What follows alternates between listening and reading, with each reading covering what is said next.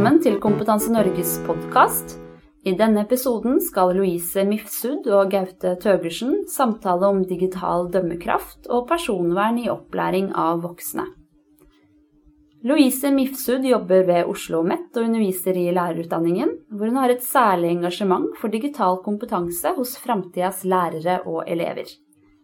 Hun forsker på lærerstudenters utvikling og holdninger til digital kompetanse. Louise er også en av skribentene og redaktørene bak boka Digital dømmekraft. Gaute Tøgersen er IKT-ansvarlig ved Larvik læringssenter og gir både teknisk og pedagogisk oppfølging på det digitale området. Larvik læringssenter har siden 2011 satset digitalt, og Gaute har samarbeidet med kommunen om utvikling av en digital strategi for kommunal opplæring. Velkommen skal dere være, begge to. Takk. Takk. Ja, så i dagens tema hva er digital dømmekraft og personvern? Eh, dette er jo temaer som blir mer og mer aktuelle for opplæringsinstitusjoner og undervisere. Men hva legger vi i begrepene, og hva må ledere og lærere eh, være ekstra oppmerksomme på i denne sammenheng? Er det f.eks. problemfritt å ta i bruk Google eller Facebook i opplæring av voksne? I rammeverk for grunnleggende ferdigheter defineres digital dømmekraft som det å kunne bruke digitale verktøy, medier og ressurser på en forsvarlig måte. Det innebærer også å ha et bevisst forhold til personvern og etisk bruk av internett. I boka Digital dømmekraft, eh, som du, Louise, har vært redaktør for, eh, pekes det på at digital dømmekraft i stor grad handler om etikk. Eh, kan du fortelle litt mer om hva som menes med dette, Louise? Altså, det vi tenker, er at digital dømmekraft er egentlig en blanding av det som er fornuftig, mm. og det juridiske, og det etiske.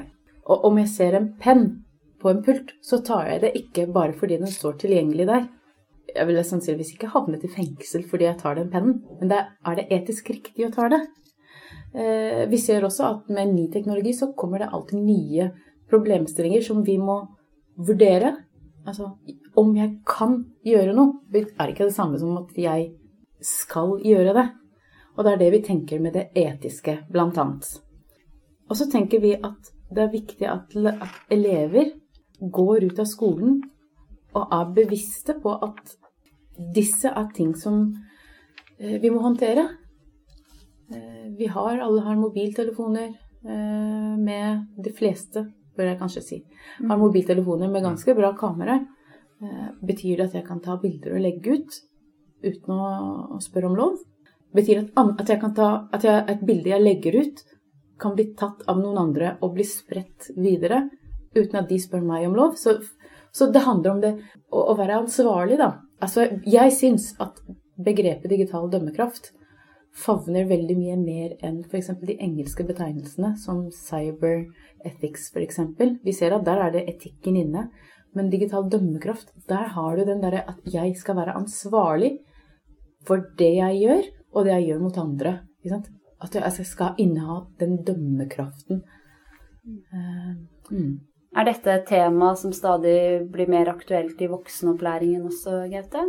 Ja, klart, eh, helt klart at det er viktige temaer i voksenopplæringen også. Det er jo mer eh, bruk av eh, digitale enheter og, og digitale tjenester. Og voksenopplæringen skal jo forberede deltakerne på videre arbeidsliv og sitt eget digitale liv i Norge. Så det er kjempeviktige spørsmål der også, altså. Mm. Jeg tenker også det at man vet at hva man har rettigheter til. At uh, jeg har rett til privatliv. Det betyr at arbeidsgiver kan ikke bare komme inn og se på e-posten min om, om jeg eh, ikke gir tillatelse til det, eller om det ikke ligger skjell i grunnen. Altså, så er det litt ulike perspektiver på det. Ja, kjempeviktig. Det, mange skal jo da ut i praksis og, og, og, lære seg rettighetene der. Og noen vil kanskje ta det for gitt at de må gjøre alt, eh, alt de blir bedt om, f.eks., ja. eller, eh, eller tillate. Ja. Men det er klart det er kjempeviktig å vite om, om rettighetene sine. Vi beveger oss litt over i begrepet personvern her også nå. Eh, hvordan kan vi forstå det begrepet? Altså, det som står i loven, det er at det skal verne personopplysninger. Og da må man tenke ok, hva er personopplysninger? jeg tenker Det som er viktig, er at man tenker på at ok, et bilde f.eks., det er personopplysninger. Eh, lyd kan også være personopplysninger, for man kan kjøre gjennom det et program som kan identifisere hvem jeg er. Og så må man skille også mellom personopplysninger og sensitive personopplysninger. F.eks. om helse, religion, etnisk tilhørighet, ulike slike ting. Og loven forklarer dette. Og det er viktig å si at jeg er ikke jurist, jeg er lærer. Og allikevel så må man da være klar på hva er, hva er det dette, denne loven skal verne. fordi det er viktig at elevene Og jeg kommer jo fra grunnskolen, da, eh, og ikke voksenopplæringen. Men likevel så tenker jeg at det er, det er viktig at elevene eh, og lærere vet at her har vi noe som skal beskytte både meg, som tar bilder, og at ikke andre kan ta bilder av meg. Vi har hørt mye om EUs nye personvernforordning, GDPR. Eh, hva må vi vite om den her, og er det relevant for oss som jobber med opplæring? Så den gjelder også for Norge. og Den loven da, ble gildig fra var det 1. juli 2018, så vidt jeg husker. Dere har helt sikkert merket at når du går på VG eller hvor som helst, så ser du en liten sånn Dette nettstedet bruker informasjonskapsler. Eh, at vi samler informasjon om deg, så får det kunne gi deg en eh, mer Hva er det står der? Mer tilpasset Brukeropplevelse. brukeropplevelse takk. Mm. Og da må du takke ja til det for å kunne gå videre. Det er f.eks. en av tingene. Før så kunne dette være, være gjemt. Nå ser vi det front. Nå ser jeg at ok, hvis jeg går inn på dette nettstedet, så skal de samle inn informasjon om meg. Så da har jeg informert om det. Og da kan jeg ta et valg. Ok, jeg vil gå videre. Da, det, da takker jeg ok, vær så god. Da kan du bruke de søkeordene jeg bruker. Og, så og alt jeg leser. Og så kan jeg få tips neste gang om en lignende sak. Eller om jeg sier nei takk, jeg vil ikke dette. Og da får jeg ikke lov til å gå videre på dette nettstedet. Mm. Har GDPR påvirket eh, praksisen deres ved Larvik læringssenter i noen grad? Det vil jeg kanskje ikke tro sånn direkte. Det er jo viktige ting å ta med seg videre i arbeid med digital dømmekraft, da, og forstå hva det dreier seg om. Og det er klart det blir veldig synlig, som du sier, på nettsider, eh, e-poster, allting man på en måte abonnerer på. Eh, det er jo der de fleste kanskje har merka det sånn direkte, da. Eh, og så er det klart så har det noe å si for, det, for avtaler med nettjenester og sånt nå. Eh, de legger dette inn i sine avtaler, selvfølgelig. Mm. Mm. Fordi du jobber litt mer altså Fordi jeg er jo mer på den brukersiden, ikke sant. Mm. Så jeg tar imot Fordi vi har jo en egen IT-tjeneste som gjør dette og gjør ja. de avtalene, mens du må jo sørge for at de avtalene med tredjeparten ikke innebærer at uh, noe ligger på en server utenfor uh... Ikke sant. Så det er jo Vi samarbeider da med IT-avdelingen i kommunen, ja. ikke sant. Som, eh, som, når vi skal benytte av IT-tjenester, altså skytjenester, da, ofte som lagrer data, og snakka jo akkurat da om personvern, og da personopplysninger, som jo bare et navn er personopplysninger Eh, og da må man inngå databehandleravtaler for på en måte å sikre at disse mm. dataene behandles på en ordentlig måte, og en risikoanalyse for, for, hvordan dataene flyttes, hvem de deles med, hvor de ligger hen, osv. Hvem har tilgang til dem? Ikke sant. Hvem har tilgang? Eh, hvordan kan man hente de ut? Hvordan blir de lagra? Hvordan blir de eventuelt sletta etterpå? Eh, og det er klart, hvis ikke man eh, kan få en tilfredsstillende avtale, så kan man jo ikke inngå avtale med ulike tjenester.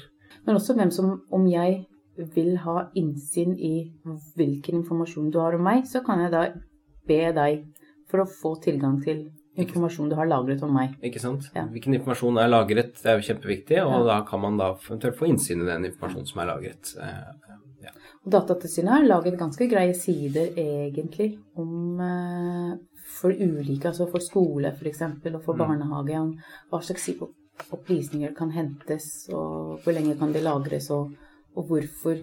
Mm. Men hva slags informasjon samler Larvik læringssenter om deltakerne, og hvor lang tid eh, lagres denne informasjonen?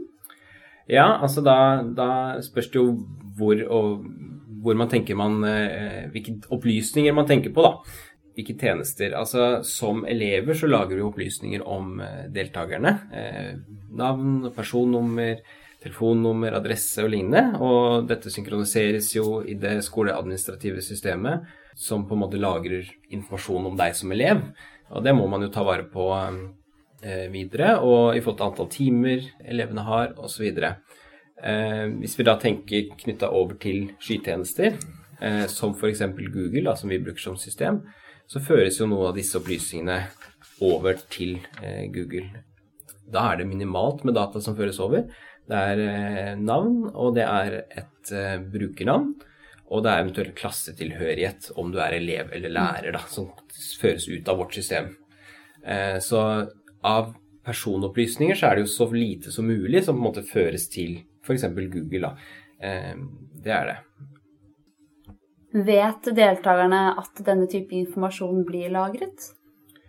Eh, ja, det skal de jo vite, da. Og det er klart de, selve personopplysningene blir jo gitt opp, oppgitt når de blir elever. Og det snakkes vel om da, at det blir lagret i administrative systemet. De kan jo også selv se de opplysningene som ligger når de logger seg på tjenesten om seg selv. Og da, som sagt, er det navnet og det brukernavnet som genereres eh, av IT-avdelingen, eh, som da blir en e-postadresse. Eh, mm. det er det eneste opplysningen som gis i systemet for å kunne identifisere hvem personen er eh, i det hele tatt kunne bruke tjenesten. Da, på en måte. Mm. Ja, for Louise, det er vel sånn med GDPR at deltakere eller alle brukere skal eh, samtykke til at informasjon innhentes, og at man også kan kreve at informasjonen slettes, eller at man kan kreve innsyn i informasjon. Ja, man skal jo kunne be om innsyn og kunne be om informasjon å bli fjernet. Men samtidig, da, hvis, da at hvis en student ikke vil bli med på Canvas, som er det systemet vi bruker, eh, og der er det også samlet inn en del informasjon. Altså for det er noe som heter Learning Analytics, som ligger bak den. som skal kunne, Sånn at jeg som lærer skal kunne gå inn og se eh, hvor mange oppgaver har det studentene har levert. Er det noe som mangler? Er det noe som må leveres på nytt? Eh, og det skal jeg kunne se som lærer, for at jeg skal kunne si da til eksamenskontoret at eh, elev A får lov til å gå opp til eksamen. Hvis ikke så, får, så stopper systemet opp. Så det er to sider men samtidig så må også studenten vite at 'jeg har den informasjonen om deg'. Men det er til et formål, og det er det som er viktig. Og det ikke blir brukt utover det formålet det skal brukes til. Ja, for opplæringsinstitusjonene har jo behov for å lagre informasjon. Eh, men hvem er det som har tilgang til den informasjonen dere lagrer om elever? Ja, så da er det jo litt ulike nivåer på hvor informasjonen ligger, da. Så den administrative informasjonen som lagres som elev ligger jo i vårt skoleadministrativt system, og der er det jo ansatte på skolen som har tilgang til det systemet. Og det ligger jo bak en sikker sone med flere innlogginger og sånt nå, så det er godt uh, eh, sikra sånn sett. Så er det jo da opplysninger som sendes videre for å generere brukere, eh, våre feide-brukere, da, som også blir Google-brukere. Det er klart det er det som den tidligere med med navn og eh, brukernavn og klassetilhørighet og slikt, som blir sendt videre. Og det er klart de opplysningene har jo IT avdelingen tilgang til, selvsagt, for å kunne mm, lage disse brukerne. De opplysningene blir på en måte tilgjengelig for andre brukere i domenet. da. Her blir det da for Larvik-skolen, for man kan søke opp andre brukere for å sende e-post og, og sånt noe. Om man går litt videre og ser på opplysninger som blir laget av brukerne, vurderinger og, og karakterer og sånn, blir jo kun av de aktuelle lærerne i de aktuelle faga eller romma som elevene hører til i. Av egne dokumenter så er det jo kun brukerne selv som har sine dokumenter, da er jo de private, og kun de som har utgangspunktet tilgang til dem, utenom hvis de deler det med lærere eller andre elever. Så det er klart så ligger det jo en eh, tilgang for eh, administratorer til å kunne komme inn på et data dersom det strengt tatt skulle være nødvendig, men det er på en måte en sånn sikkerhetsfunksjon, en sånt eh, hvelv man på en måte kan gå inn i, som er ganske strengt eh, overvåka. At alt blir logga så hvis noen går inn og så snoker etter data, da, fordi man er administrator, så kan man se hvem som har vært inne og sett etter hva. Så der ligger det jo en rutine. ikke sant? Der skal man ikke gå inn uten at man har fått en offisiell henvendelse. da, ikke sant? Så skal ikke, Fordi du er administrator, skal du ikke gå inn og kikke på hva du skriver. ikke sant? Så hvis man får si en straffesak, da, at man tror at en person har skrevet noe eller som ikke er greit, så kanskje man får en henvendelse om å gå inn i dette hvelvet. da. Men utenom det så er jo dataene sikra eh, for seg selv. Og det er jo litt spesielt med skolebrukere. Man leser kanskje mye om Google og tenker at de overvåker mye, og det kan man gjerne si, og det gjør de jo for, for all del. Det er jo dine data de ofte tjener penger på. Men skolebrukere, sånn som i, og sikkert i andre systemer også, men i Google står i en særstilling der de står på en måte utenfor det offentlige brukerne som Google har ellers, og er under eh, egentlig ingen overvåking på samme måte. Google samler ikke inn data om bruken, om, om brukerne. Eh, lager ikke målretta annonser eh, og viser ikke annonser i alle kjernetjenestene. Så det er klart, som skolebruker så har du en mye større eh, vern av personvernet enn du vil ha på en offentlig brukerkonto. Og da sikkert en del andre tjenester. Så de, så, så de gir ikke videre til en tredjepart? Nei, Nei, selger, er de samler ikke spesielle data om deg i det hele tatt, Ja. og, og selger da ikke noe data videre i det hele Ja, tatt. og de signerer ikke bort at alt du legger ut, uh, blir uh, overdratt til Ikke Så hvis du tar et bilde, så eier du det fortsatt. Helt riktig. Ikke på samme måte som Facebook, f.eks. Som Så alle dataene, ikke sant? Dette her ligger jo i avtalen, ikke sant? databehandleravtalen, som man aldri kunne gått inn på hvis det var sånne rettigheter. Men dine data er dine data. Ja. Ferdig med det. Google har ikke noe rettighet over det du eh, legger inn eh, som dine data.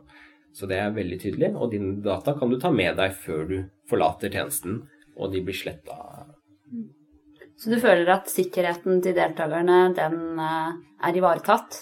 Ja, jeg mener jo det. Når man har disse avtalene Man kan jo selvfølgelig aldri være 100 sikker på noe, men jeg tenker når man har disse avtalene, og det er klart et stort selskap som Google blir ganske nøye ettergått og overvåka i forhold til hvordan de bruker data. Og det er klart, man skal ikke, man skal ikke bare stole blindt på det og ikke tenke noe mer over dette og, og la de holde på. Det er selvfølgelig kjempeviktig at man passer på og følger opp, og at det kommer saker hvis man mener at uh, store selskaper gjør noe galt. Men jeg tenker sånn sikkerheten eh, Altså, skytjenester har vi jo hatt i mange år, og det er klart uh, Front, Ritz Learning, ah, mange klassiske læringssystemer har jo også skylagring av våre data. Jeg vil vel kanskje argumentere for at store selskaper som Google har jobber mye mer med sikkerheten da, og har enormt mange ansatte som jobber med dette her. De tjener jo mye penger på bedrifter og vanlige brukere. Selv om skolebrukere da er gratis, som på en måte henger seg på den tjenesten, så vil jeg jo argumentere kanskje for at eh, de jobber masse med sikkerhet. Men jeg tenker det er viktig også at det er noe altså Fordi jeg tenker at den jevnlige elev eller student ville sannsynligvis ikke lest, finlest all informasjonen. Altså sånn som f.eks. på Facebook når du eller andre sosiale tjenester, ikke sant. Ja. Så får du side på side Absolutt. med hva du signerer bort. Og jeg har satt meg inn i noe av det og tenker oi. Eh, Mens eh, her er det innmari fint at for slike tjenester, sånn som Google Classroom, Mm. at det er noen andre som har godt kjennskap til dette, Ja. har gått, gått gjennom det og sett ok, dette kan vi bruke, for det er en god databehandleravtale. At, eh, at man sørger for at eh, personopplysninger ikke kommer på avveie, osv. Ikke sant? Og det er det, det som f.eks. er blitt gjort i Larvik, da, at man har eh, gjort et godt, grundig forarbeid før man har begynt med disse tjenestene, før man har begynt å bruke enheter én til én. Ikke bare hoppa i noe. Man har testa det her, man har sett på bakgrunnen, som du sier, på avtalene, og da sett at disse avtalene kan vi bruke, og da godtatt disse avtalene på vegne av elevene. ikke sant? Og det, det tror jeg er noe som er veldig viktig, at man faktisk har en, en plan. Uh, og hvis man tenker at andre senter som, som ikke bruker disse tjenestene, eh, ønsker å gjøre det, så tenker jeg det er veldig viktig å samarbeide med IT-avdelingen kanskje som har mer kompetanse. Gjerne samarbeide med grunnskolen, som gjør ofte akkurat det samme som, eh, som man ofte skal gjøre. Da. Da, da utnytter man kompetansen mye mer, og sikrer seg kanskje litt i forhold til personvern eh, og disse opplysningene. Du er inne på noe interessant der, eh, Louise, med samtykkeerklæringer, disse avtalene som kan være ganske omfattende. Mm. Der ser vi jo særlig i voksenopplæringa hvor mange har et begrensa eh, språknivå, eh, at det kan være noe man faktisk må gi opplæring i. Eh, hva tenker dere om det? Jeg tenker det Altså, det er egentlig veldig vanskelig. Altså, jeg tenker at Sånn som Facebook, da. Det er rundt 13 sider med amerikansk juridisk språk som du godtar. De færreste Jeg tror, tror ikke du trenger du, du, du må ikke være en, eh, en som har dårlig norsk eller dårlig engelsk engang, holdt jeg på å si. Det er eh, Du bare samtykker. Ferdig. Og noen ganger Jeg merker at jeg gjør det selv innimellom. Altså logger inn på en, et eller annet og og så det ok, Godtar du dette? Og så Altså det er side på side med informasjon, og det har dårlig tid, og så trykker du OK. Men hvis vi ser f.eks. på Facebook, da. Hva er det du takker ja til? Da sier du OK, jeg eier mine ting. Jeg fortsatt eier mine ting.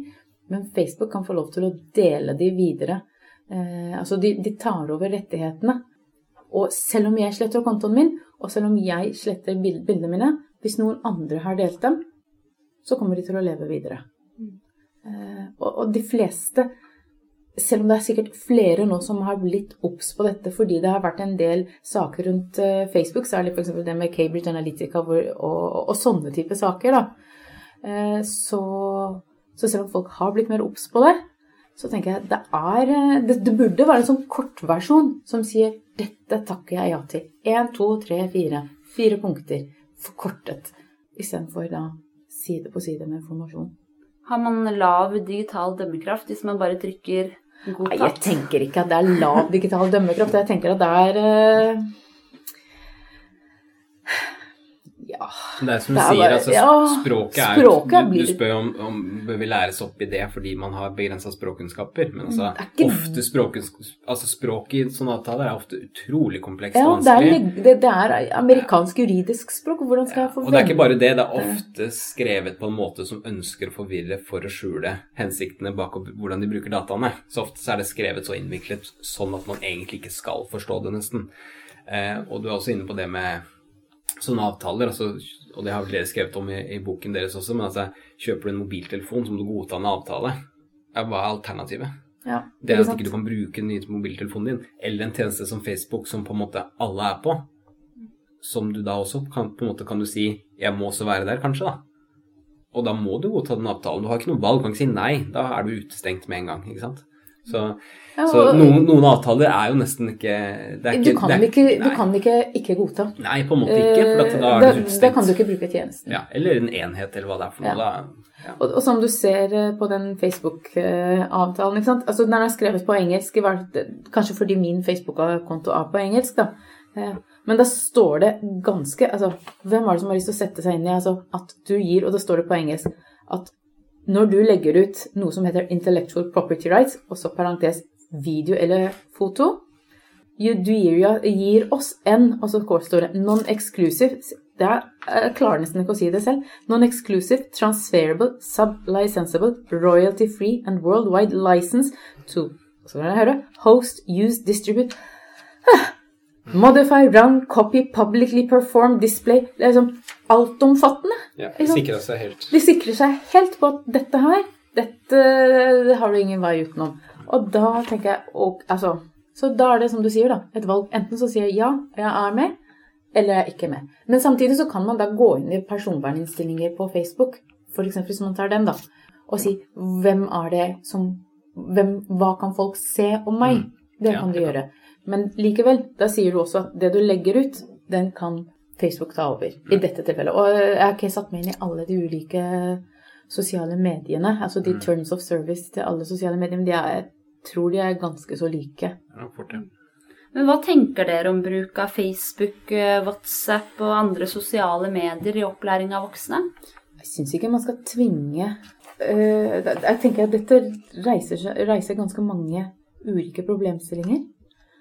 Eh, hvis man tenker på voksenopplæring, da. De er jo eldre studenter sånn som vi har. De er jo voksne, og det kan hende at de har en Facebook-konto. Men samtidig så kan man ikke tvinge folk til å eh, være på Facebook hvis de ikke vil. Ja, da må du så, tvinge de til å godta den avtalen som du ja. akkurat leste fra. Men det kan hende at studentene selv vil, og da er det ikke noe veien for det. Eh, og så en annen ting er det med å være lærer og være venn med elevene. Eh, Facebook tillater egentlig ikke at du har to ulike kontoer, så jeg kan ikke ha den kontoen som heter Louise, som er den ekte meg, og så har jeg en til som heter Louise lærer, eh, hvor jeg da er venn med elevene. For det er ikke lov. Og hvis jeg skal da ha en konto hvor jeg er venn med mine elever, eh, min ekte Altså da er det, det er alt som jeg gjør på det private, kan mine elever se, og samtidig så kan jeg også se hva elever eller studenter gjør i sin fritid. Og det blir også litt sånn uetisk. Så har jeg av prinsipp ikke vært venn med mine studenter før etter de er ferdige, uteksaminerte. Bruker dere sosiale medier i opplæringa ved Larvik læringssenter? Så vidt jeg kjenner til, så er det ikke så mye i bruk. Litt sånn som du nevner dette med en, en gruppe for å samtale sammen. Eh, noen sier, eh, opplyser at eh, elevene selv har hatt sånne grupper. Så det kjenner jeg jo til at har vært i bruk. Jeg tror ikke det er noe spesiell bruk på den direkte måten å bruke Facebook-undervisninga per nå. Det er klart når man har et, et, en LMS, da, sånn som f.eks. Google og sånt, så har man jo visse muligheter der. Du kan jo si Det er jo ikke noe i veien for å bruke ulike nettjenester. Hvis man igjen da kan gå tilbake og lage en databehandleravtale og sikre personvernopplysninger, og f.eks. Facebook sine brukervilkår kan jo aldri passe inn under, eh, under, disse opplysningene, hvordan de blir tatt vare på. Og de har selvfølgelig ikke noe oppsett for å bruke skolebrukere heller. Du, du skaper jo ganske mange problemer ved å bruke en sånn tjeneste. for hvis man bruker det offisiell sammenheng, da, som skole, hva slags opplysninger ligger der? Hvem, er det bilder fra praksisplassen? Blir det lagt på en Facebook-gruppe? Da er det som nevnt eh, Facebook sine bilder. Mm. Er det ok? Eh, bruker man Facebook kun for en sånn eh, måte for å trene på å bruke Facebook, da? Helt kunstig situasjon, så kanskje det kan være greit hvis de allerede er der, hvis ikke vi tvinger de til brukere. Men det vil jo alltid kanskje være noen som føler seg pressa inn i det likevel. Og så lenge vi som skole kan eh, på en måte stå for opplysningene, hva som ligger der, hva som deles og hvordan det blir sletta, så har ja, jo vi en utfordring. Ja, og ikke bare det, men også kommentarer. ikke sant? Ja. Hvis noen, altså Hvem er det som skal sørge for å moderere disse kommentarene hvis det kommer noe upassende? Mm da, da, plutselig står du der og Altså, hvor ofte skal du inn og sjekke hvis du er en lærer? Si at si, si en, en, eh, mm. du har en situasjon hvor du setter opp en Facebook-gruppe med elever, ja. eh, og det, man diskuterer ulike ting. Og så eh, Du er jo ikke online 24 timer i døgnet. Ja. Og så kommer det kanskje en diskusjon som ikke er noe særlig hyggelig. Og så kanskje går det 12 timer, 13-14 timer før mm. du har sett at uh, dette har pågått. Og hva skjer da? Da kan det bli delt videre uten at du har kontroll over det. Mm. Så det er veldig mange aspekter man må tenke på før man bruker eh, sosiale tjenester. Mm. Det, er, det, er, ikke at man ikke skal bruke det, men at man er bevisst på det. Mm. Og jeg tenker litt noen ganger, Hva er hensikten? Er hensikten å bruke det som en plattform? Så er det jo bedre å prøve å finne plattformer ja. som er ment for skole. Ja. Er hensikten å, å tenke å trene sosiale medier?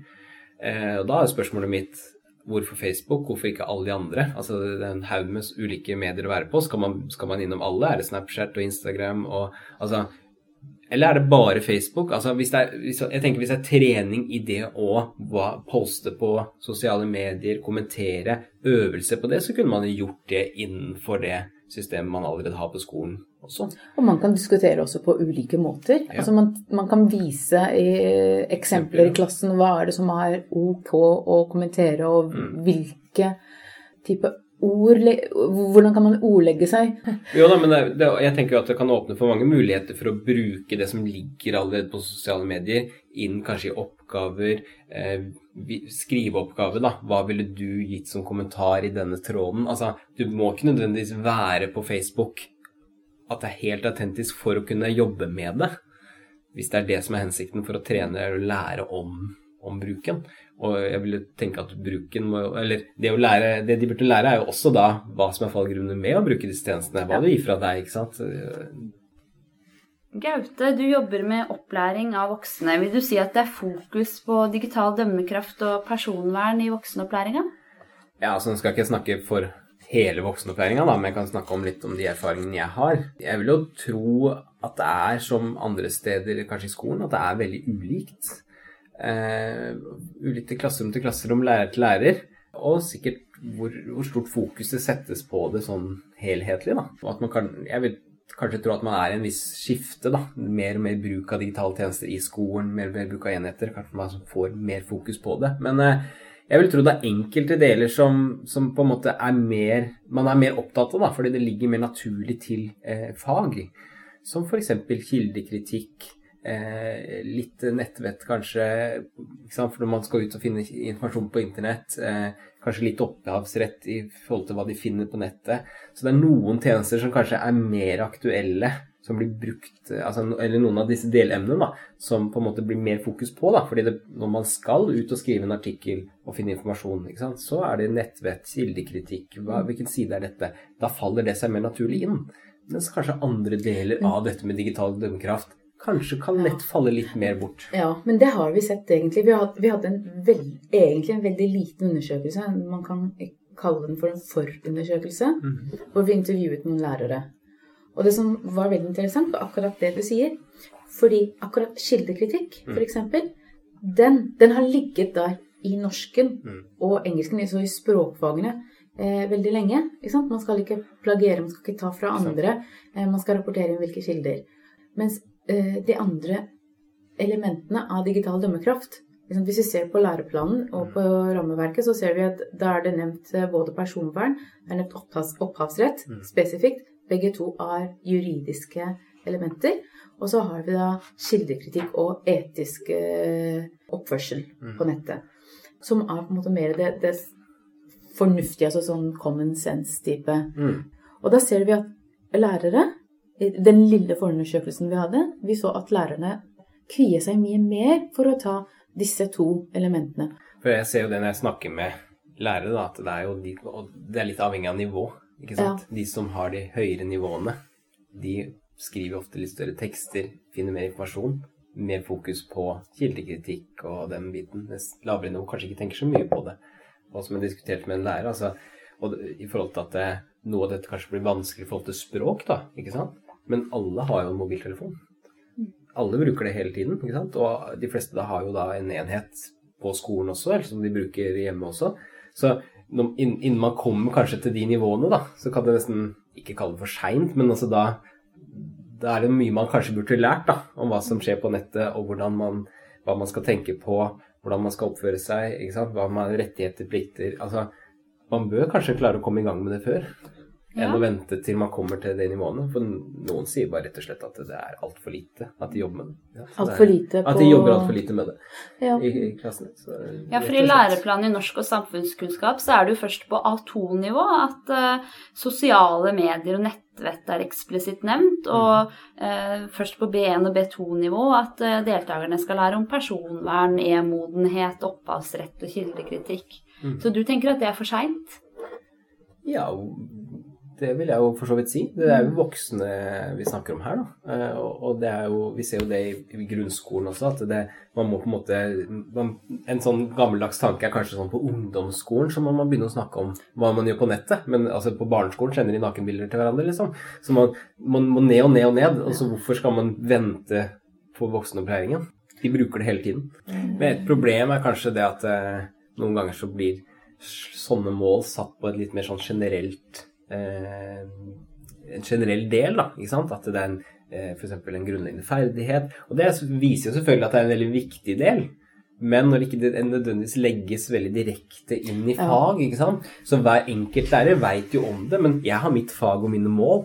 Og da blir det kanskje litt glemt. Og når jeg ser på den eh, planen for norsk og samfunnskunnskap òg, så ser jeg litt at det, det, er veldig mange spesifikke mål på hva som skal gjøres i forhold til muntlig, lese, skrive, mens mange av disse termene som vi snakker om her, er bare nevnt som stikkord. I hvert fall av det jeg kan se. Og da tenker jeg som lærer, da, så har du veldig mange konkrete mål. De skal lese sånn type tekster, de skal skrive, de skal finne informasjon på nettet. Absolutt.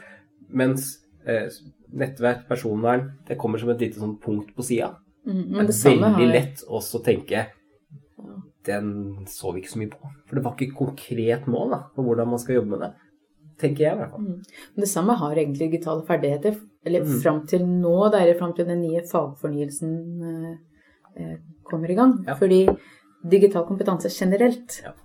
har vært, eller digitale ferdigheter, det har vært eh, alles ansvar. Ja. Og det er sånn at eh, hvis alle skal mate hunden, så kan det hende at plutselig så sulter hunden, ikke sant. Så, så, og det, det, et, det, kan være et problem. Så mm. nå med at det er samfunnsfag som får et særansvar for digitale ferdigheter, så, så, så kanskje ser vi at noen tar, tar, tak i dette litt mer. Ja. Men likevel, da, så ligger det for norsk f.eks. og for samfunnsfag i den uh, Jeg vet ikke hva jeg skal kalle den, for det har en annen læreplan?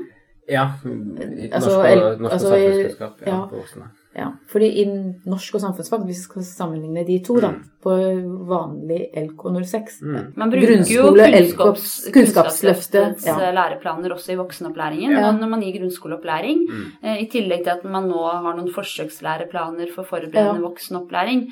Men der, eh, de ligner jo på Kunnskapsløftets formuleringer når det gjelder digitale ferdigheter, at det er mer generelt formulert, kanskje, men at det også går inn i noen kompetansemål. ja, ikke sant? For da står det f.eks. For, for samfunnsfag at eh, de skal utøve kildekritikk, eh, følge normer og regler for nettbasert kommunikasjon, inkludert personvern og opphavsrett.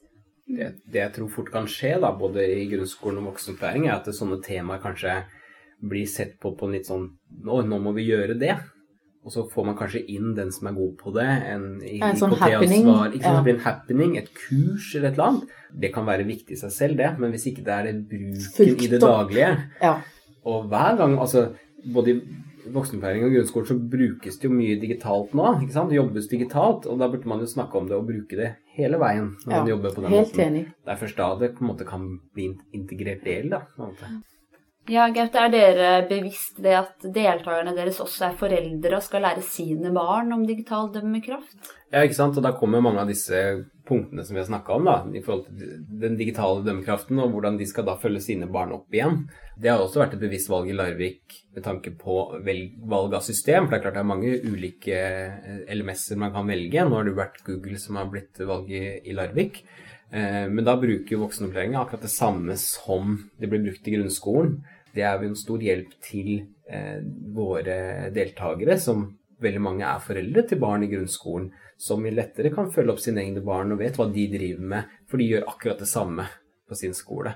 Eh, og jeg tenker det er et generelt, eh, uavhengig av hvilken plattform man velger, da, så tenker jeg det er en generelt viktig kunnskaper å ta med seg videre inn i i eh, samfunnet og arbeidslivet og kjenne til bruk av sånne plattformer, om det er Office 365 eller om det er andre ting, fordi det er nyttig i hverdagen. Enten for sine barn, som vi snakka om nå, eller bare generelle kunnskaper. At man kan bruke sånne systemer. da. Og lære seg å bruke e-post og kalender og sånn.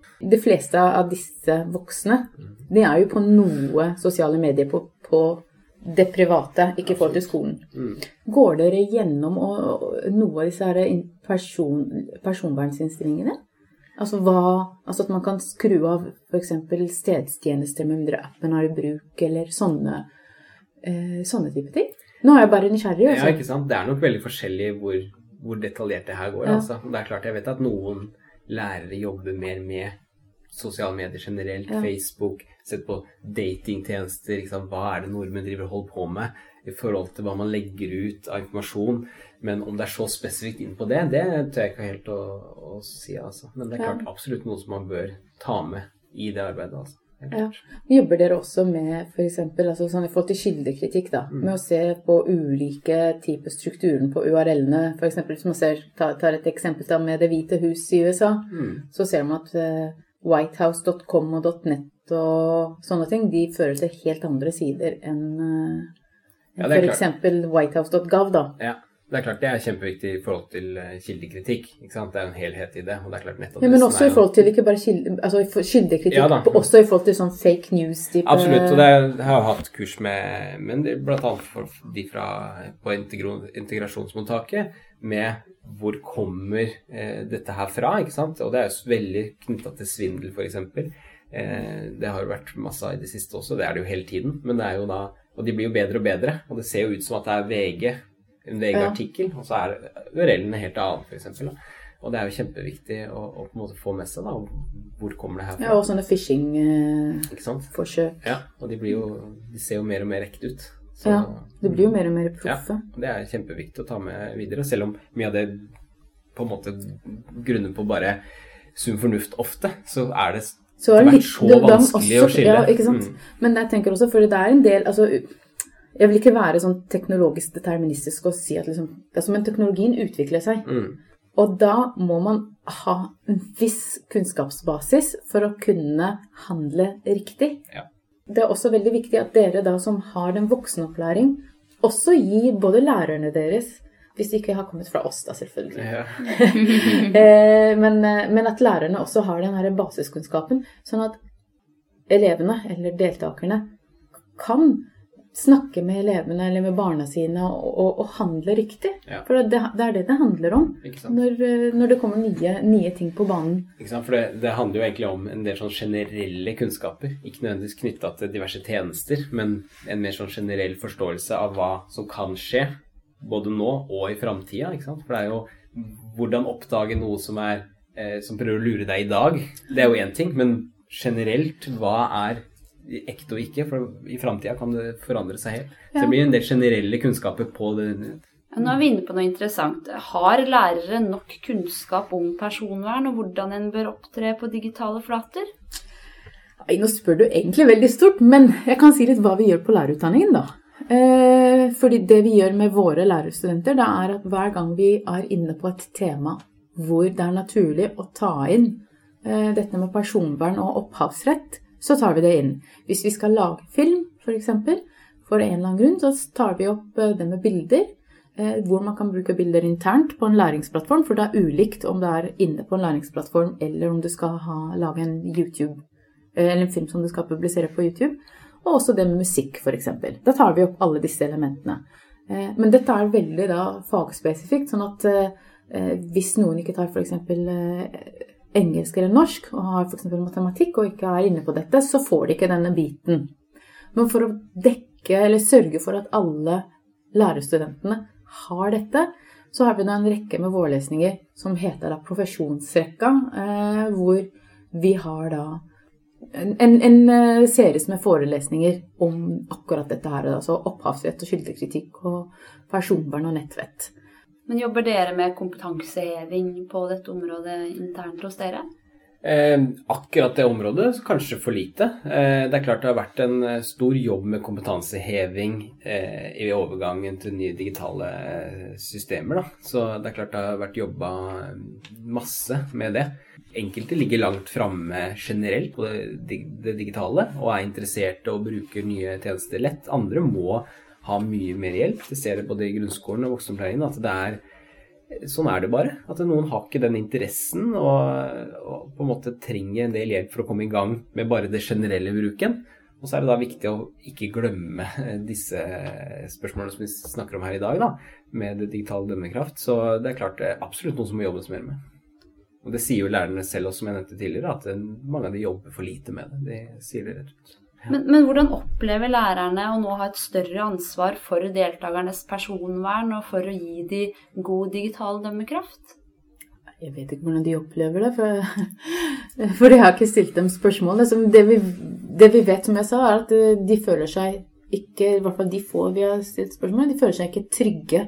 Altså, de føler seg trygge på det som har med kildekritikk og nettvett, mens de juridiske aspektene er litt vanskelige. Eh, Og tror det er eh, behov for etterutdanning, eller noen form for kanskje mer systematisert etterutdanning for, gi, for, for at lærerne skal være trygge. Det, det tenker jeg, for det det er ikke alle som har gått ut fra en eh, universitet eller høyskole hvor dette har vært fokusert på, sånn som du var inne på, Gaute. Men, men, eh, og, og selvfølgelig, altså det er noen lærere som har vært i skolen i noen år, som kanskje ikke hvor dette ikke var aktuelt da de hadde lærer... Det er jo ofte mest fokus på fag, ikke Ja, sant? ikke sant? og også når det gjelder etterutdanning, og ikke nødvendigvis samme fokus på IT-kompetanse, som på en måte har bare blitt mer og mer av da, i skolen. ikke sant? Det blir jo stadig liksom innført litt nytt, mer datamaskiner, datarom, Ja. smartboard, så nye tjenester, en, sånn en-til-en. du- Så det kommer kanskje litt sånn snikende på, da. Noen hiver seg rett på det, andre føler seg fryktelig usikre og er ikke på i det hele tatt. ikke sant? Så det er klart det, det krever absolutt uh, opplæring uh, underveis, altså. Det, og det er klart, uh, der, der trengs det påfyll hele veien, hele tiden. Det, det er viktig, og ikke man tror at man kan lære opp noen på, en, på en, noen få kurs, og så er man ferdig. Ja. Ja. Og så tenker jeg også nå med nye, to nye lover som kom nå rett, rett før sommer, da. Så tenker jeg det er viktig at noen kommer og sier i plaintekst hva betyr dette? Hva har dette å si for skolen? Hva har dette å si for meg som lærer, og for meg som person? Eh, og hva har dette å si for eleven? Altså, det trenger ikke å være så veldig mye jobb, men bare at man tar tak i det. Ha litt fokus på det, da. Jeg tror ikke nødvendigvis, Ut fra spørsmålet så tror jeg ikke nødvendigvis alle lærere tenker så mye over det heller. At de faktisk har en del ansvar egentlig for den opplæringa, og hvordan, hvordan de tenker mm, tenke personvern, da, elevene også. Ja. Hvem har hovedansvaret for dette temaet på en skole? Er det på lærernivå eller ledernivå man må ta ansvar? Jeg vil jo si at uh, hvis det Altså, for å vise viktigheten av det, da, så er det jo ledelse som på en måte kan sette det på agendaen. Uh, og vise sjøl hvor viktig det er, på en måte. da. Og da jeg vil, Alt som på en måte settes på agendaen av ledelse, blir jo kanskje tatt mer inn uh, for lærerne. Til slutt så er det jo lærerne som er i klasserommet. Det er de som er med elevene og kan gjøre, som de sier, disse mm. små dryppa i hverdagen.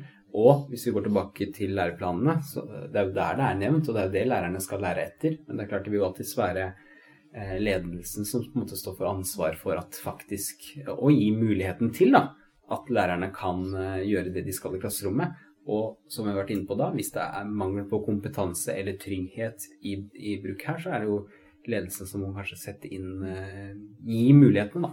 F.eks. i opplæring og, og trygghet. Hvordan ser framtida ut? Hva må ledere og lærere være spesielt obs på de neste åra? Nei, skulle jeg visst det, så Det viktigste, det er ikke å se i framtiden, for det, det, går ikke. Men jeg tenker at det å være bevisst på at det samles inn data, og at jeg er bevisst på hvor havner dataen min. Det er klart, når vi snakker om alt dette her med at data samles inn, altså det det er jo på en måte av, altså De er jo avhengig av å samle data for å kunne ha tjenestene. Ja. Vi kan ikke si å, data samles inn, vi må droppe alt som har med data Innsamling av data. Ja, da kan vi jo ikke bruke noen ting. Nei, og alle tjenester, de, er, de, ja. de gratistjenester, de er gratis, men vi, vi, på en måte kjøper dem ved bruk av våre, våre opplysninger. Eh, det er klart For skolebrukere så er det en helt annen diskusjon, for det koster ikke penger, og de samler ikke inn dataen. Hvorfor gjør de det gratis? Microsoft, Google osv. Det er vel for å få de til å bli brukere av disse systemene, så de kan bruke de senere. privat seinere, selvfølgelig. Men eh, data må jo samles inn for at tjenesten skal fungere. Det er klart å være bevisst hvilke data gir du fra deg. Ønsker jeg å gi mm. posisjonsdata? Kanskje, hvis du ønsker å bruke de tjenestene som hjelper med bruk av posisjonsdata. Andre ganger kanskje ikke det er nødvendig Du laster inn en app som ber deg om å kunne ta, ringe med telefonen din, som ikke har noe med telefonfunksjonen ja. å gjøre. Hvorfor skal du gi tillatelse til det? Så det er klart det er viktig å vite om de tingene, da. Og jeg tror kanskje at det blir Du ser jo stadig økende fokus på at bedriftene settes under regelverk da, på hva data, ikke sant, GDPR som vi snakka om. Så jeg vil kanskje tro det blir enda mer fokus på det framover. Hvordan kan de bruke dataene dine, hvordan skal de samle din, dine rettigheter? når sånn som EU setter en del sånne regelverk, så må jo bedriftene bare igjen innføre det, da. Sånn som Facebook som vi snakker om.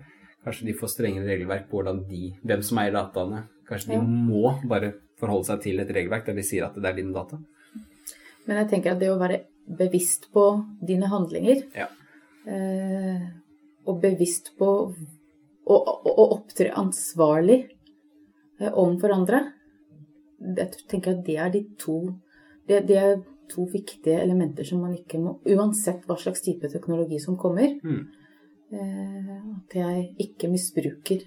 At jeg vet at jeg kan zoome inn eh, x antall meter eller kilometer. Så, ikke, så er det ikke ensbetydende med at jeg kan bruke det og spre det videre. Og det er klart det er jo viktig, som du sier, hvordan bruke det, og hvordan bruker andre det. Ja. Så å kjenne til internett, hvordan det fungerer Det er jo dessverre veldig mange som bruker internett på en dårlig måte til å bare spre negative ting, dårlige kommentarer osv. Så, videre, ikke sant? så det er jo viktig å forholde seg til den verden her, og ikke bare bli en del av det, men å heller lært opp til hvordan man kan bruke det da, på en god måte. Jeg tenker sånne, sånne ting er gode diskusjoner som lærere kan ha med sine elever i klassen. Ikke sant? Og det krever ikke så mye mer kunnskaper enn generell sunn fornuft, egentlig. Så, ja, og men det for, settes på agendaen. Det vi starta egentlig litt med. Ja. At, det, altså, at, digital dømmekraft, selv om det er en blanding av det altså, vi, vi, pleier å kalle den for en blanding av eh, det etiske og det juridiske. Men det Hvis man tenker litt etter, så er det sunn fornuft. Mm.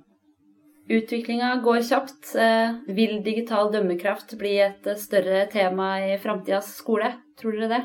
Håper.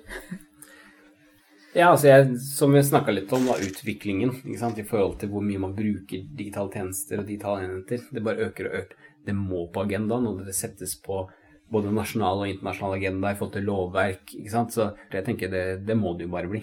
Mm. Kommer vi til å se det i de nye læreplanene som eh, UDIR eh, utvikler nå? Ja, så vi ser jo at det, det er kommet, I 2017 så kom det et nytt rammeverk for grunnleggende ferdigheter. Og der er digital dømmekraft tydelig. Har en egen søyle eller element gjennom alle de 13 år. Så, så Utdanningsdirektoratet ser ut som om det, de ivaretar dette. Og så ser vi også på de konturene til de nye fagene da, i fagfornyelsen, at den ligger der. Vi ser at, at det ikke blir mindre digital dømmekraft, at det står støtt i læreplanen. Det, det, ser vi.